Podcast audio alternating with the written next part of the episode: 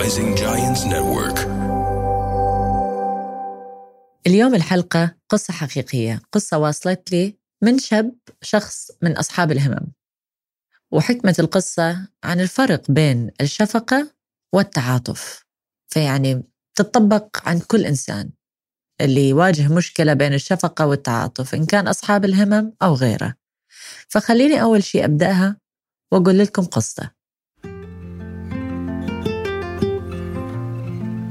وصل لي رسالة من ولد عمره 24 سنة. ده يقول لي عن حالته إن هو من أصحاب الهمم منذ الولادة عنده حالة خاصة به. وهذه الحالة ما عنده أي مشكلة فيها. وذكر جملة جدا جميلة. قال لو قدرت أرجع بالزمن وأنولد من جديد ما راح أغير الحالة اللي أنا فيها. فهذه الجملة أثرت بي وأنا دا أقرأ القصة. لأنه هو يحب نفسه. وهذا شيء جدا جميل. ولكن يواجه مشكلة جدا كبيرة. والمشكلة مش أنه هو ينظر إلى نفسه بطريقة خاطئة ولكن من ضمن القصة أنه يواجه مشاكل بالعمل والدراسة. في المدرسة الناس اللي تجرب تتعاطف معاه مايل أكثر على الشفقة ما يخلوه يدرس ويا الطلاب الآخرين رغم أن عقله سليم مية بالمية. ويقدر يدرس ويا باقي الطلاب. دايما حواليه يتعاملون معاه بضعف.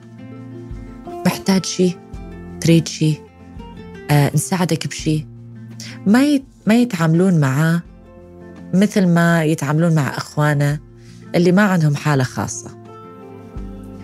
وهذا الت... وهاي التعامل نقدر نقول اللي صاير وياه مسبب له نوع من الغضب والعصبية وضيق وكتب بالرسالة أنه جربت أكثر من مرة to let it go. مثل ما ذكرت بالبودكاست اللي قبل أنه نترك ونطنش تعليق الناس والتعامل معهم بس مو قادر. وهذه العصبية تتراكم بداخلي.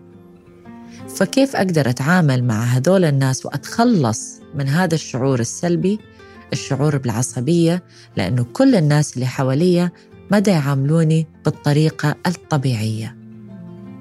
أرجوك يا مي سوي لي حلقة في لحظة مع ميس وساعديني بهذا الموضوع. من عيوني راح أعطيكم الجواب بعد ما تاخذون أنتوا لحظة وتفكرون. هل في يوم من الأيام تعاملتوا مع أصحاب الهمم بشفقة أم تعاطف؟ أخذوا لحظة. وراح أعطيك من عيوني الحل.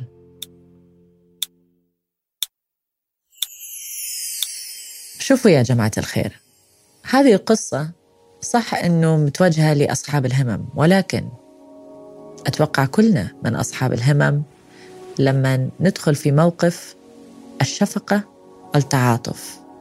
كل إنسان داخل في مرحلة بحياته اللي ممكن الشخص المقابل يتعامل معاه بشفقة وليس تعاطف. وهذا التعامل أثر بنفسيته. فهذه الرسالة اليوم وحكمة نقدر نقول اليوم والتغيير والمنظور رح يكون لكل الناس ومن ضمنهم أصحاب الهمم. أول شيء حتى نجاوب على السؤال اللي يسأل كيف أتخلص من هذه المشاعر السلبية اللي جتي بسبب التعاطف نقدر نقول شفقة مو تعاطف. الشق... الشفقة اللي تصير ب... بسبب. يعني يكون عندها ردة فعل سلبي اتجاه الشخص. لأنه أكو فرق جدا كبير بين الاثنين. إني أتعاطف مع إنسان من أصحاب الهمم أو أتعاطف مع إنسان ممكن مريض أو أتعاطف مع إنسان ممكن عنده أقل قابلية من ما أنا عندي نفترض. ما عنده إيد ما عنده رجل ما يقدر يتكلم بسهولة. أه حتى ممكن الشخص عنده شفقة اتجاه إنسان ما يعرف يتكلم أمام الآخرين ولكن ما عنده مشكلة بالكلام بس عنده خوف. فيصير اتجاهها شفقة إنه آه مسكين ما يعرف يتكلم قدام الناس ما يعرف يقدم أمام الآخرين. ففي خط جدا كبير بين التعاطف والشفقة إذا أنت وأنت حسيتوا نفسكم أنه أنتوا تتعاملون الآخرين آه، أو الشخص المقابل بشفقة أنه آه مسكين أعرف أن أنت غلطان لأنه على أي أساس أنه أنت قلت هو مسكين هل هو اشتكى لك؟ هل هو قال لك أنه أنا مسكين؟ هل هو طلب من عندك أنك تعامله بهالطريقة؟ فأنا بهذه أول خطوة وأول نقطة دا أتكلم مع الناس اللي دا تعامل المقابل بهذا الأسلوب. وراح أجيكم بالنقطة للشخص اللي دا يستقبل هذه المعاملة من الآخرين كيف كيف يستقبلها أو كيف يتعامل مع هذا الموقف. فأتمنى أنه لكل الناس اللي في يوم ما كان في شفقة اتجاه الآخرين وشو ما كان السبب. أرجع عيد مش ضروري أصحاب الهمم. ممكن لأي إنسان حسيت له شفقة. ما نروح بعيد لما مرضت في كثير من الناس اللي قاموا يعاملوني بشفقة. قلت لهم لا. التعاطف تعاطفوا وياي من عيوني. حلو التعاطف. لأنه تشاركون مشاعر بالتعاطف. إن تتعاطف وتحس بالشخص اللي أمامك إذا الشخص اللي أمامك ده يعاني من مشكلة معينة. فأنت تتعاطف معه وتساعده إنه يتقوى. ولكن الشفقة ما دا تساعده. أنت فعليا اللي دا تسويه. دا تحطمه نفسيا أكثر من هو إذا متحطم متحطم وإذا هو ما كان متحطم راح يتحطم نفسيا. لأنك أنت تشفق عليه كأنه هو أقل من عندك. كأنه هو ضعيف. فأرجع أسألكم هذا السؤال. في يوم ما اتعاطفت مع شخص ولا بالغلط تعاملت وياه بطريقة شفقة وهذه أدت إلى كآبة انزعاج للشخص المقابل. ما قوى من نفسه. أما بالنسبة للشخص اللي متقبل أو دا يستلم هذه المعاملة من الطرف الآخر. اللي هو أنت اللي داز لي الرسالة. أو ممكن أنا. أو حتى اللي دا يسمع البودكاست حاليا. ممكن مر بهذه آه، أو هذا الموقف نقدر نقول. اللي الشخص اللي أمامه عامل بطريقة شفقة. زرع عصبية. زرع نوع من الحزن. السؤال كيف أتعامل مع هذا الموقف؟ وكيف أتعامل مع هذه المشاعر؟ الخطوة الأولى أنه يكون في وعي بسبب تعامل الآخرين. أنا دا أشعر بهذه الطريقة. هذه بالعادة جملة الناس لما يكتبوها بسبب تعامل الآخرين. أنا دا أشعر بالحزن ولا بالقهر ولا بالعصبية. ولكن بالحقيقة تعامل الآخرين ما يسبب العصبية والحزن والقهر. تفكيرنا اتجاه وتحليلنا اتجاه تعامل الآخرين هو اللي يسبب الحزن والقهر.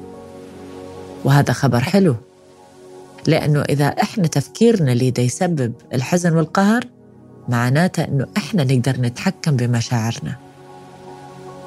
فحتى لو الشخص المقابل دا يتكلم ويعاملني بطريقة شفقة إذا تحليلي اتجاه هذا الموقف أنه هو المسكين لأنه ما يعرف يتعامل معايا بالطريقة الصحيحة. بهذه اللحظة الجسم يبدأ يفرز الهرمون مش السلبي ولكن الإيجابي أو يمكن يفرز الهرمون الطبيعي اللي هو مطنش عادي. فسهل جدا لما الواحد يقول let it اتركها طنش. بس إذا تريد فعلا تعرف كيف تطنش لازم تعرف أنه أنت اللي دا تسبب المشاعر السلبية اللي بجسمك وليس تصرف الآخرين. كلام الآخرين وتصرف الآخرين وشو ما يسوي الآخرين هذا خارج جسمك. تفكيرك وتحليلك لهذه المواقف وهذول الناس هو اللي دا يبعث الرسالة للجسم حتى يفرز هرمون الكورتيزول وهو هرمون العصبية أو الحزن اللي يأذي الجسم. فبما أنه الريموت يا ابن الحلال بإيدك اختار التحليل اللي يناسبك. لأنه بالنهاية إحنا ما نقدر نغير الشخص المقابل ولا نقدر نتحكم بالطريقة اللي يتعاملون بها ويانا. بس الحمد لله نقدر نتحكم بمنظورنا وتفكيرنا اتجاه أنفسنا. فأنت يا ابن الحلال اللي كتبت لي الرسالة بديت بيها بجملة جدا جميلة. لو قدرت أرجع بالزمن ما أغير الطريقة اللي ولدت فيها الحالة اللي ولدت فيها. لأن أنا أحب نفسي. هذا التفكير أكثر من رائع. ولهذا السبب أنت تشعر بثقة جدا كبيرة بنفسك وما عندك مشكلة بالثقة. فإذا غيرت تفكيرك اتجاه الناس اللي عملوك بشفقة إلى نوع تعاطف. أنت ضد التفسير والتحليل اللي ينفعك ويفيدك حتشوف أنه مشاعرك رح تتغير. مثل ما قويت الثقة تقدر تحط المشاعر الإيجابية بجسمك إذا غيرت التحليل. وأنتم كمستمعين وكناس تشوف بودكاست لحظة مع ميس. هذه تتطبق بكل المواقف بحياتكم. أي موقف تتخيلوا إذا فصلتوا النية عن السلوك وانتوا اللي تحكمتوا بالنية وطنشتوا سلوك الآخرين وحللتوا النية على كيف كيفكم بالمزاج اللي أنتوا يعجبكم صدقوني بالكم رح يرتاح. بس إذا كل مرة سلوك الآخرين حطيت له نية حتى لو نيته كانت مو حلوة حتى لو هو آه، شخص ما يعرف يتعامل وده يعاملك بشفقة حتى لو مو قصده أو قصده. إذا أنت ظليت تحلل حول هذا الموضوع بطريقة سلبية من إيدك الله يزيدك أنت رح تضل تشعر بالتوتر والعصبية والحزن. فغير منظورك وتحليلك اتجاه سلوك الآخرين حتى أنت ترتاح نفسيا. وأنت ما عليك بالآخر بالنهاية خليه هو يتعامل ويتصرف مثل ما هو يريد يتصرف. بالنهاية منو اللي, منو اللي يدفع الثمن؟ أنت اللي تدفع الثمن. فما دام أنت تقدر تختار اختار صح. أتمنى أن جواب هذه القصة قدر يساعد جميع من الناس ومن ضمنهم أصحاب الهمم. وأتمنى أني أختم هذا البودكاست رسالة لجميع الناس أن نسلط الضوء الفرق بين التعاطف والشفقة.